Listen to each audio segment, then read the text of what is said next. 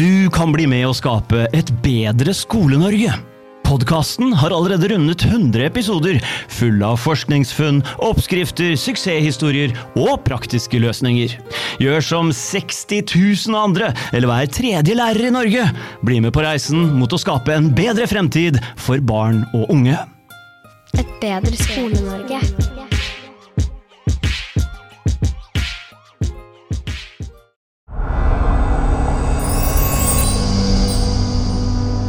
Bedre Skole-Norge. Skole-Norge. Velkommen til Et bedre Skole-Norge. I dag har vi med oss Jørgen Moltebakk, en erfaren lektor med 15 års undervisningserfaring og en vellykket karriere som gründer. Han er også anerkjent forfatter, og er også kjent fra sitt virke som programleder for skolepodkasten Rekk opp hånda, og i senere tid Skolesnakk. Med sin ekspertise innenfor skoleutvikling og et engasjement som også inkluderer improvisasjonsteater og kajakkpadling, er Jørgen den rette personen å kontakte for, for å få verdifulle råd om hvordan man takler utfordrende klasser. Velkommen hit, Jørgen. Tusen takk. Takk for det. Et bedre Skole-Norge. Skole-Norge. Vi har jo snakket sammen før, og det er alltid kult, det syns jeg. Så har det skjedd mye siden sist, eller? Ja, det har det egentlig. Jeg syns det er mye som skjer teknologisk som gjør at man jobber på nye måter.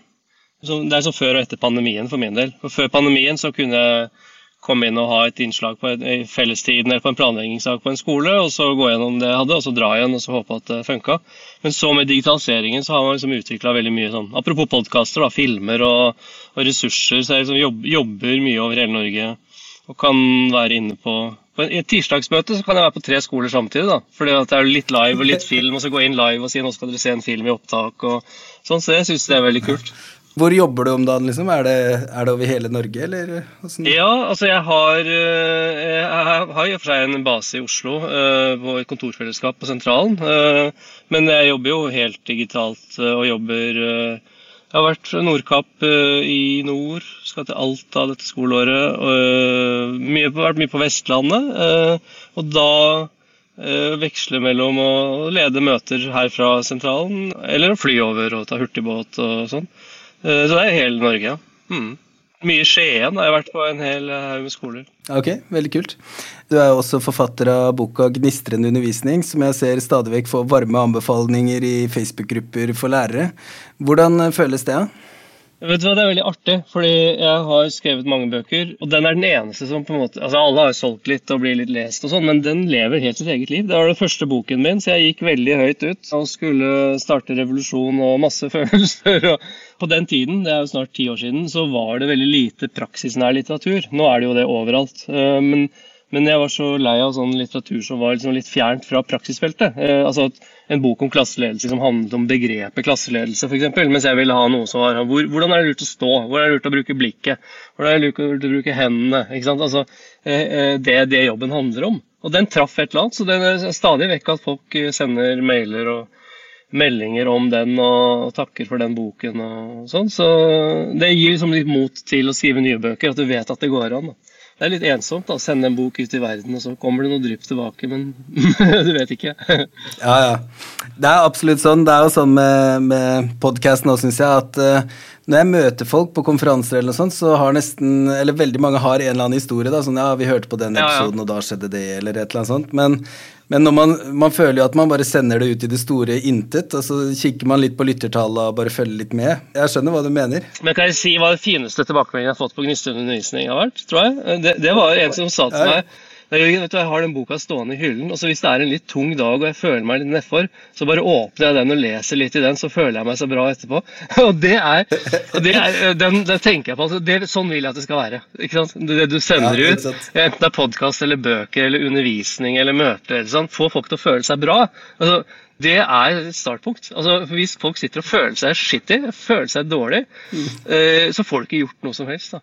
Og det kan jo utfordre hvis man selv føler seg litt dårlig. Altså, sånn, jeg må innrømme at nå når vi spiller dette her, så har ikke jeg hatt verdens beste start på dagen. Jeg er liksom sliten. Liksom, jeg er litt sur, egentlig. og sånn. Så tenkte jeg, men jeg kan ikke gå til podkasten til Øyvind med en sur attitude. Så i heisen så var det tre personer som sto og prata sammen, og så bare ble jeg med i den samtalen. da. Å ja, så du skal sykle og trikke og rrr. Og så i løpet av de fem etasjene så var humøret mitt på plass. Så tenkte jeg ok, nå har jeg noe å gi. det er sånn. Ja, så bra. Og dette her, jeg tenker jeg bruker det som eksempel fordi det er veldig knytta til dagens tema. da. Ikke sant? Det er det vi skal snakke om i denne episoden. Et bedre Skole-Norge. Skole-Norge. Da skal vi snart i gang med dagens tema, men eh, før vi gjør det, så skal vi en bitte liten runde innom produktplasseringsseksjonen. Og i dag også har vi fått besøk av Torunn Dreyer og Lisa Kara Frøyland. Dere holder på å bli fast inventar i podkasten, men eh, kan dere fortelle litt om skolelederplanleggeren dere er ute med? Ja, skolelederkalenderen 23-24 aktivitet er ny, helt ny, en helt ny kalender. Som er noe langt mer enn kalender. Den har et årshjul med faste gjøremål for alle skoler i landet. Den har en temadel med aktuelle temaer, og den har en case-del. Den kan kjøpes hos Nordli og på nettsida post at skolelederkalenderen.no. Og dere har en konkurranse på gang også, stemmer ikke det, Lisa? Jo, hvis du som sitter og lytter nå tenker at det her er et produkt jeg har kjempelyst på, så har vi tenkt å dele ut eh, tre eksemplarer. Og det du trenger å gjøre da, er å sende en e-post hvor du begrunner hvorfor nettopp du eller en skolelederkollega skal motta et eksemplar, og så sender du det til post at skolelederkalenderen.no. Tusen takk for at dere kom. Da fortsetter vi med episoden. Et bedre Skole-Norge. Skole-Norge. Vi skal jo snakke om hvordan man snur en eh, utfordrende klasse eller vanskelig klasse, eller eh, Det er jo fort gjort å rote seg litt bort bare i, i feil begreper her, men eh, du har jo jobba mye med, med dette, hvordan man snur klasser og alt sånt. Og det som jeg har gjort i det siste, er at jeg har snakka med mange rektorer i ikke mange, to rektorer i Sverige som eh, har gått inn på skoler i sånn Politiet har sånne kategorier, sånn svært utsatt område hvor det liksom er gjengkriminalitet og alt mulig. Og, og de har sine løsninger, men det er jo gjerne på skolenivå. Og da handler det vel mye om å ha tydelige regler og eh, sånn og sånn. Men, men eh, akkurat på, en, på klassenivå Det virker jo som at det er økning i i hvert fall i rapportering av antall trusler og vold mot lærere. og Det, det er diverse utfordringer, man, kan man si. da. Men eh, tilbake til begrepet. Hvordan burde man snakke om det i det hele tatt når man har en problemklasse? Hvis du skjønner hva jeg mener? Ja, jeg skjønner hva du mener. Og jeg vil bare presisere at Det jeg primært ønsker, er at man liksom bygger gode klassemiljøer fra starten av. Altså Det tror jeg alle er enige om. At man planlegger starten på skoleåret, og at man liksom får, får, en fin klasse med sosialt og faglig. Men så hender det at ting, det er mennesker det er snakk om, at det utvikler seg, at man sitter der og plutselig sier det her fungerer ikke. Uh, sitter man på personalmøte eller på, på arbeidsrommet og sier nei, den klassen der nå, det, der er det noen problemer.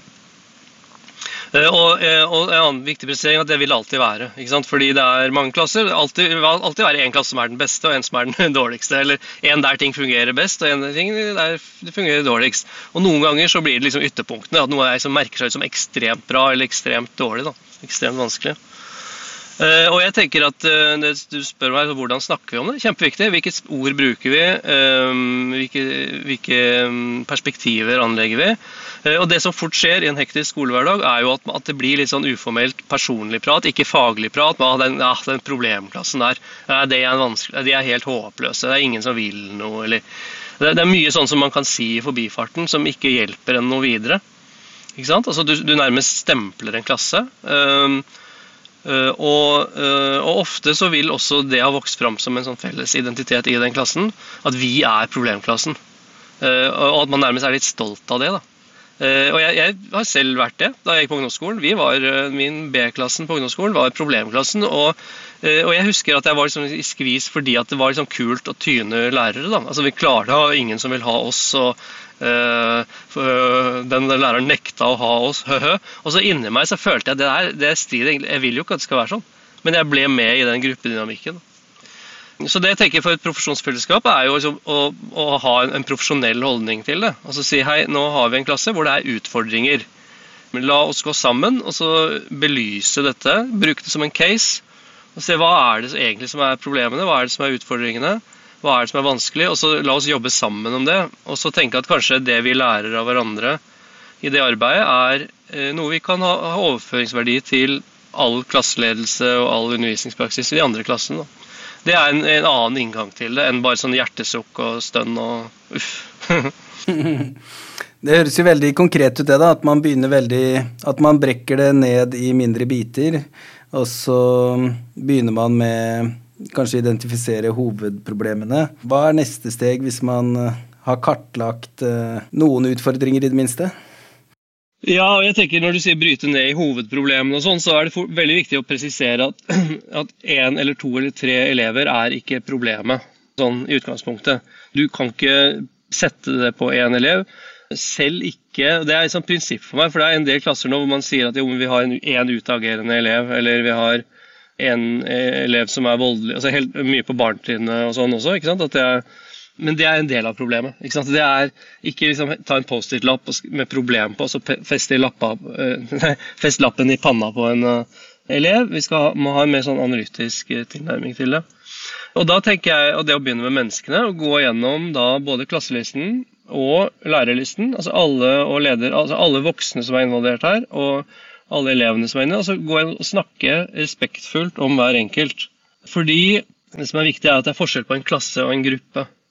Klasse er en tilfeldig ansamling mennesker. Mer eller mindre tilfeldig. Det er fordelt etter årstall, og så uh, har man delt inn et helt kull inn i ulike klasser.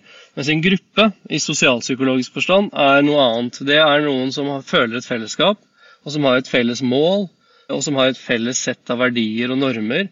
Og det kan man ta aktivt grep om og så definere liksom, som voksne. Altså Hvordan skal det være i denne klassen?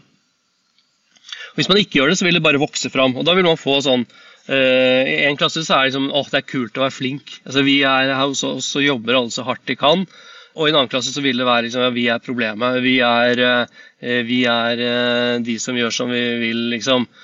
og det morsomme er at dette vil jo, Hvis du kommer inn en vikar, så vil de ofte få beskjed fra noen av elevene om det. Altså de sier ja, men hvordan er det i denne klassen? Nei, nei vi, vi er vant til å få gjøre som vi vil. Og det å kartlegge det, hvordan, hvordan, fungerer ting her, og hva er det som kjennetegner denne klassen, det er et sted å, å starte, da, så man vet, vet, hva som er utgangspunktet. En eller annen sånn nå, nåtidsbeskrivelse. Og da tenker jeg, veldig ofte sånn, Hvis man har sånn klasselærerråd og snakker om elevene, så får man snakka om noen få elever, og da er det ofte negativt vinkla. Jeg tenker at det å ta helt til start, snakke om hver enkelt elev og finne en eller annen positiv ting å si om den eleven, en styrke den eleven har, og så dele de erfaringene, sånn at alle som, voksne som jobber med den klassen, har noe positivt å se etter og noe positivt å si om hver enkelt elev. Fordi Da har du liksom brutt det opp i individer, og så kan du starte, lage en ny, ny, gruppe av det. Du lager ikke en ny klasse, men du lager en ny gruppe med andre verdier og holdninger um, ut av det grunnlaget du har. Da. Var det forståelig? Absolutt. Jeg har tenkt litt på det der, fordi det kan jo være litt tidkrevende også. Det er jo ingenting som er viktigere enn å bygge relasjoner og få elevene til å føle seg trygge og, og alt sånt, men allikevel så har jeg tenkt på hva om man lager en sånn OneNote-blokk med en slags tabell hvor klasselæreren, altså kontaktlæreren uansett kommer til å ha samtale med hver enkelt elev og bare skriver ned noen styrker han eller hun legger merke til ved hver elev, og så kan man da det vil effektivisere prosessen litt med å snakke positivt om elevene og sånn. Hva tror du om det? Jo, og stikkordet her er systematikk. Ikke sant? Fordi at mange, når jeg sier det der, så vil mange si jo, jo, vi snakker jo positivt om elevene, og vi ser jo etter positive ting, men, men gjør man det etter alle, liksom? Har man 100% av elevene? Det er på en måte det, Apropos gnistrende undervisning, så er det det at jeg i starten sier at uh, hvis du ikke har mål om å nå 100% av elevene, trenger du ikke lese boka. Det er liksom en av de vanligste tilbakemeldingene jeg får. At oi, det var tøft sagt. Men, men jeg mener det. Mm. Og det der med systematikken at du faktisk da har noe på alle, det er bra. Og, og det jeg sa nå, at Hvis man har klasselærerråd, så kan man gå og dele på en måte positive erfaringer med elevene. Men man kan også kjøre en type speeddate-møter med elevene, der man spør dem direkte. Når føler du at du får til ting? Når opplever du mestring? Eller når er du motivert? Hva er det som gjør at du får lyst til å jobbe med lekser? For, fordi det tenker jeg, Fra tidlig alder så har elevene ofte en en selvbevissthet om det. Og da får man på en måte et slags datagrunnlag som man kan bruke for å gjøre endringer. Og Noen ganger er det smertefullt. Jeg, kan gi et eksempel på en klasse hvor jeg selv var lærer, hvor det ikke gikk. ikke? Og det, og det er jo både frustrerende og fascinerende. Jeg driver og skriver bøker om klasseledelse og sånn, men, gang på gang så står jeg der og tenker nei, hva skjedde nå? hvor, hvordan havna vi her? Uh, og det var en, uh, da, var, da hadde jeg akkurat gått fra ungdomstrinn til videregående og utpå høsten og overtatt en VG3-klasse hvor det var, var, kjempeutfordringer. Det var uh, utfordringer på alle plan. Og Jeg trenger ikke gå inn på hva det var der nå, men da brøt jeg det opp. Jeg tenkte nå må jeg ha én-til-én-samtaler for å, å liksom, få snakka med hver enkelt. Og da var av To av spørsmålene var hvilken type undervisning foretrekker du, eller liker du best? Om det er som tavleundervisning eller prosjektarbeid eller gruppearbeid. eller sånn. Og, og spørsmål to i hvilken type undervisning syns du at du lærer mest? For det behøver jo ikke være det samme. Og i den klassen så var det helt unisont at, altså, at min mer sånn problembaserte tilnærming til liksom åpne oppgaver og veiledende praksis og alt dette som er så moderne, de hata det. De ville ha powerpoint-presentasjoner med gjennomgang og skulle dit ha notater. Det var sånn de lærte. Dette var VG3. Og da, det smertefulle da var jo at jeg måtte jo bare tilpå Ok, hvis det er det så unisont i denne klassen, dere er vant til powerpoint-forelesninger, så skal dere få powerpoint-forelesninger. Eh, og jeg må drive med en type pedagogikk som jeg egentlig ikke liker. Og det er klart at det er kanskje det som er det vanskeligste, at vi som voksne må endre, endre oss. Altså, har, det er mye enklere å si til elevene vet du, at du må endre deg, du må skjerpe deg, du må ta deg sammen, du må forandre deg. Det er mye enklere å fortelle noen andre at de skal forandre seg, enn at vi må forandre oss. Og Dette kan være både som enkeltlærer da, eller som et kollegium, alle de lærerne som har den klassen. Hvis de sier vet du hva, i den klassen her så må vi faktisk jobbe helt annerledes for å, for å lykkes. Da. Er du enig i det? At det er vanskelig? ja, ja. Absolutt. Altså vi gjorde noe lignende i en klasse i matematikk en gang. Da tok vi den LP-modellen til Thomas Nordahl, og da husker jeg at vi, vi bare Vi må gjøre ting helt annerledes. Mm. Eh, det var sånn veldig Vi jobba veldig lenge med den analysen, og, når vi kom med det vi trodde kom til å funke, det var så totalt unna det vi først hadde tenkt, da. Så det var veldig Altså, man ble vekka litt, da. Mm. Man kanskje holder på med ting som er ganske langt unna det som egentlig funker. Ja, og Det er derfor jeg også er liksom litt sånn skeptisk til sånn veldig liksom, klare metoder. Her har vi liksom din, altså sånn, Det finnes jo en del sånne eh, programmer og sånn, hvordan snu en klasse. For at du må ha skreddersøm. Altså, du må se menneskene an. Du må se de elevene du har, og du må se lærerne du har. Og så se hva er mulig å få til. Det er liksom et fotballag. liksom. Du må, du må se hva som er mulig å få til med den spillerstallen du har. Eh, og så legge opp spillet deretter. Mm. Mm. Og hvis de ikke leverer, så bare Så selger du spillerne. Nei, det er, det er, det du ikke kan, da. Ikke sant? Uh, ja, det er det du ikke kan i skolen. Da. Og det er fint, men, men det, er så, det, er så, viktig å tenke at det er plass for alle. Og jeg, en sånn knagg til som jeg syns er så viktig, det er å skille sak og person. Mm. Og si at én elev er aldri problemet. Men eleven kan ha fått en rolle. Og det er et annet viktig begrep i sosialpsykologien, som, som jeg tenker er som gull, gull verdt fagfelt å, å, bygge dette på. Det er roller. Og elever kan føle seg stuck i roller. Altså, jeg er blitt klassens klovn, men jeg har ikke lyst til å være det. Eller jeg er den som alltid tar ordet når lærerne stiller et åpent spørsmål, f.eks. Og Det går det også an å snakke med elevene om. Altså, lære dem litt hva er en rolle for noe. Og hvilke roller opplever du at du har i klassen? Er det andre roller du kunne hatt, f.eks.? Og det, det, var en annen klasse jeg jobba med. Det var en ungdomsskoleklasse hvor det plutselig skjedde noe i løpet av skoleåret. Som jeg, ikke, jeg skjønte ikke hva det var, fordi det hadde vært, alltid vært så mye gode diskusjoner i den klassen stilte et åpent spørsmål, og så hadde vi en hel time med diskusjoner og mange som tok ord og sånn, så plutselig ble det helt dødt. Jeg stilte spørsmål, og ingen som rakk opp hånda, ingen som svarte. Og jeg måtte hale og dra før til slutt en jente liksom, ja, liksom nærmest av ja, medynk for meg svarte litt. da. Og så sa jeg ok, her har vi en, ut det er en utfordring her. Hva er det som har skjedd? Jeg skjønner det ikke. Jeg, jeg, meg, jeg var ikke ekspert. Jeg var helt sånn, jeg tenkte kanskje de vet det. Og så ble det helt stille, selvfølgelig. Det var ingen, ingen, som svarte. Men så var det en som sa jeg tror kanskje det skyldes at uh, elev, det var en gutt, han, han, slutta til jul. For han flytta, og han var alltid den som uh, tok ordet først. Og så er det liksom ingen som har tatt hans plass. Og det var så skarpt observert, og det var jo det. Jeg hadde ikke tenkt på det selv. Men det var en gutt som var veldig sånn alltid den første. Og dette her er jo altså tilskuereffekten i psykologien. Altså at uh, hvis, ingen, hvis, ingen, hvis noen ligger på gata og ingen bryr seg, så går alle forbi. Men hvis én faktisk bryr seg, så stimler folk til for å hjelpe. Noen må være den første.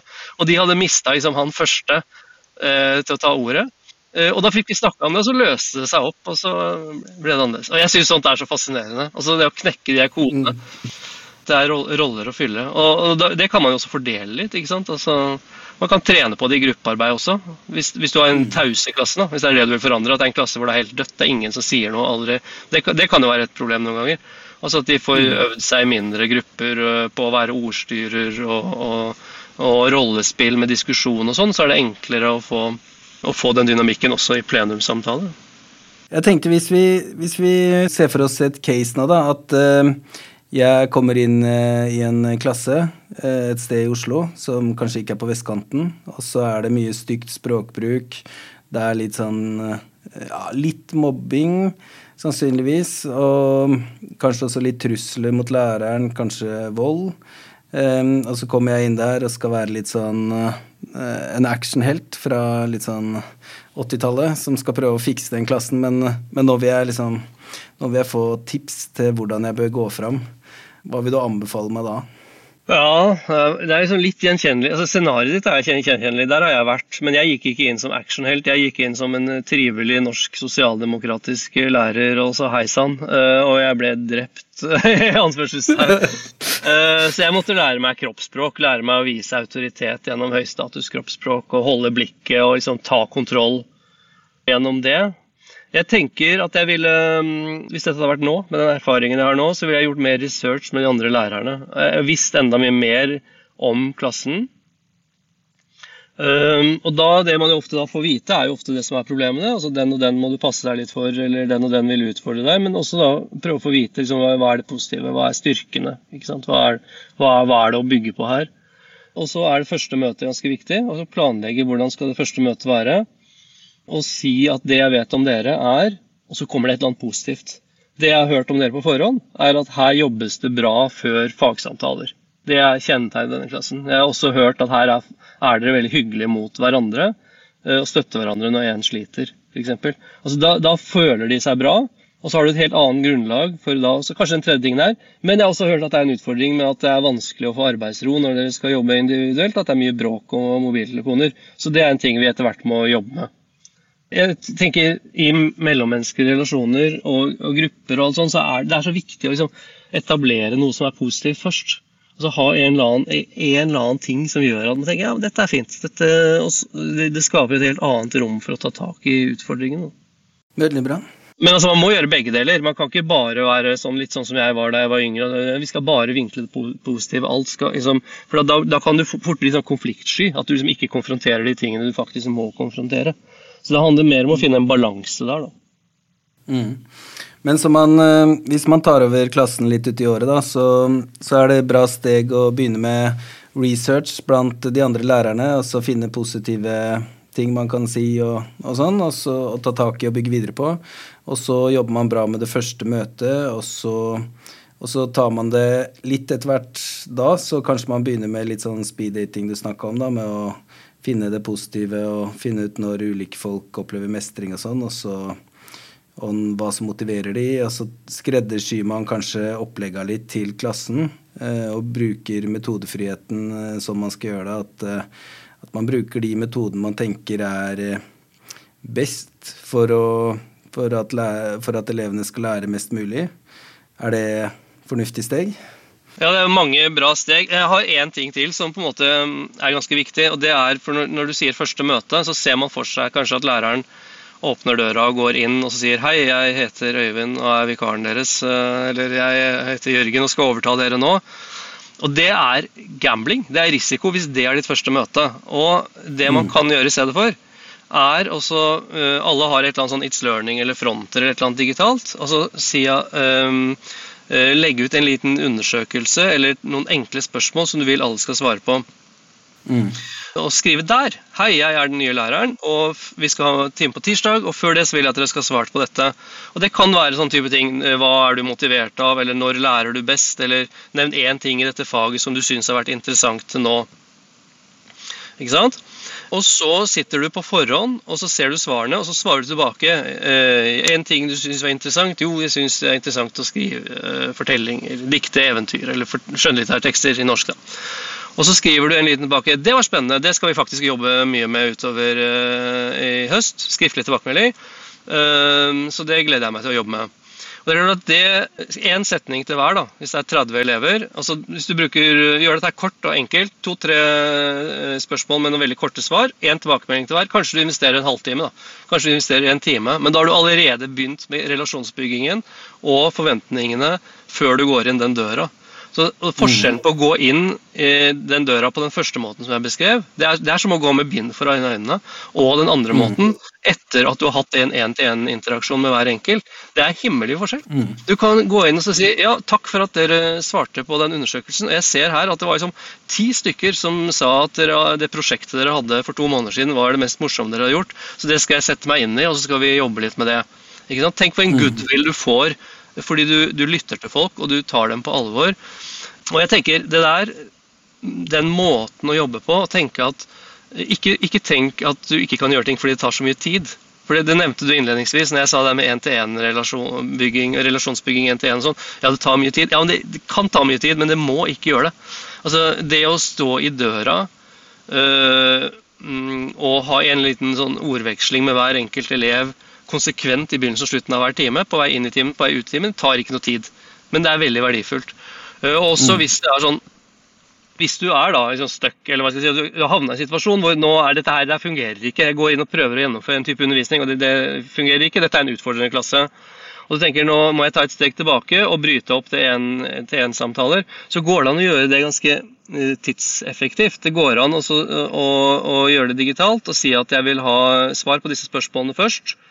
Tre konkrete spørsmål. Hva er ditt, det kan være for eksempel, hva er ditt bidrag til et godt klassemiljø? Hvordan lærer du best? og hva forventer du av meg som lærer? For eksempel, det er tre, tre, spørsmål du kan bruke.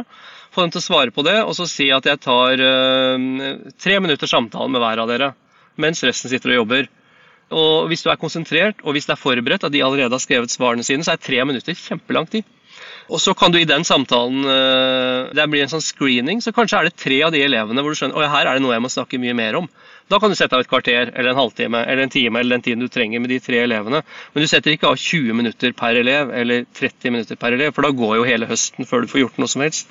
Så det å koble det digitale, koble med korte intervaller og systematikk ikke sant? At du får snakka med alle. For Det hjelper ikke om du har hatt den der type 1-til-1-samtale med 29 elever, hvis nummer 30 er den som da ikke har svart og ikke snakka, og kommer trampende inn og står opp på pulten. Og, ikke sant? Da, det, da er det tungt. Du må, du må, ha på en måte alle, alle med, da. Mm.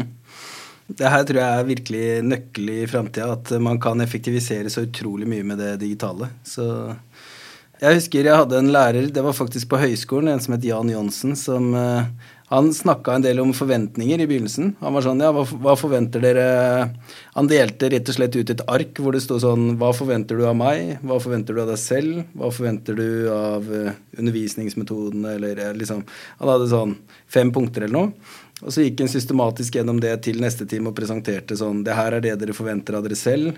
Og, og, da sitter det på en helt annen måte med en gang man har fått elevene selv til å Og jeg også husker jeg tenk, kjente på den Oi, hva forventer jeg egentlig av meg sjæl? For ofte, som, selv som student på en høyskole, kan man komme i en litt sånn merkelig rolle hvor man er sånn Ja, ja, vi bare vi skal gjøre masse kult, men det blir ikke skole. Eller man kan bli litt sånn harry, rett og slett. Da. Og når han gjorde det, så var det litt sånn at uh, man må liksom stå litt for det, da. Så det var skikkelig smart. Ja, og jeg kan si noe om det med forventninger. Fordi um, Jeg nevnte i sted at kunne, et av spørsmålene kunne være til elevene hvilke forventninger har du til meg som lærer. Uh, og Jeg må si at jeg holder på med en, en, ny bok nå, hvor jeg på en måte hele tiden parallellfører det å jobbe med en klasse og jobbe med et profesjonsfellesskap. At de tingene du gjør på fellesmøtene, er det samme som du gjør i klasserommet, og, og vice versa. Og Jeg hadde en gang for mange mange år siden en rektor, som, ny rektor på en skole hvor jeg jobba, som hadde sånn speed date-møter. Eh, og der Et av spørsmålene til oss lærere var hvilke forventninger har du til meg som rektor. Og jeg synes det var helt sånn genialt. Og, hun bare lytta i de samtalene der. Og I løpet av liksom to-tre uker på den nye skolen så hadde hun snakka med alle og visste hva alle forventa av henne. Og Da skal du være liksom ganske trygg og tørre å si det, i stedet for å si jeg er ny rektor, jeg skal fortelle deg hva jeg forventer. Nei, så Etter to-tre uker så hadde hun snakka med alle uh, lærere og visste hva de forventa av uh, henne. Og, og, uten å liksom komme inn og selv si hva hun forventa av dem. Da, det, det, kan jo eventuelt komme senere. Så da jeg skulle jobbe som avdelingsleder, så tenkte jeg nå skal jeg kjøre det samme uh, på de lærerne. Spørre dem hva de forventer av meg. Og så var det en kollega som tørde å spørre om det. Tenk, de har så mye feil forventninger om hva en avdelingsleder skal gjøre. Så jeg, men det er veldig viktig å få avklart. Altså Hvis de kommer med helt andre forventninger, eller om de har noe som jeg Eh, kan justere meg på, så er det viktig å finne ut. Så jeg tenker at det å kjøre det begge veier, hvilke forventninger har lærerne til seg selv, hvilke eh, forventninger har eleven til seg selv, og hvilke har man til hverandre, det er det viktig å få satt ord på. Det er eh, kjempebra. Altså, jeg skulle gjerne snakka mer, men nå ser det ut som Mac-en min holder på å ta kvelden. Det skjedde faktisk midt mens jeg holdt på å intervjue Hattie også. Da begynte det å knitre i, i Mac-en, så jeg var redd den skulle ta fyr hvert øyeblikk. Så så har den vært bedre en stund, men nå, nå tror jeg jammen meg jeg må skaffe meg en ny. ja, sant, men sånn er livet med Mac-er som streiker, og ting går aldri som planlagt. Så jeg synes jo dette er veldig bra. For du kan jo være så godt forberedt som du vil til det første møtet, og så kommer det inn der, og så, og så ligger alle elevene på, i en haug på gulvet, og så må du legge alle planer til side og, øh, og gjøre det beste ut av det. Og så tenker jeg vil bare legge til slutt, altså vær i en prosess der det er lov å feile. Der det er lov å prøve å feile. Det er liksom ingen enkle løsninger, ingen fasitsvar her, men vi er i en prosess, og så er det veldig tilfredsstillende hver gang man lærer litt, og så man kan ta med seg videre. Eh, og så får man det til litt bedre neste gang, kanskje. For å oppsummere kort, hvis vi rekker det, så vil jeg jo si at eh, det virker som det handler veldig mye om å Hvis man skal overta en klasse hvor det er litt utfordringer, så handler det om å sette seg inn i, i hvordan klassen er, gjøre litt research blant kollegaer eh, og finne det positive. Og så handler det om å Det første Takk for invitasjonen, og så snakkes vi. Ha det bra.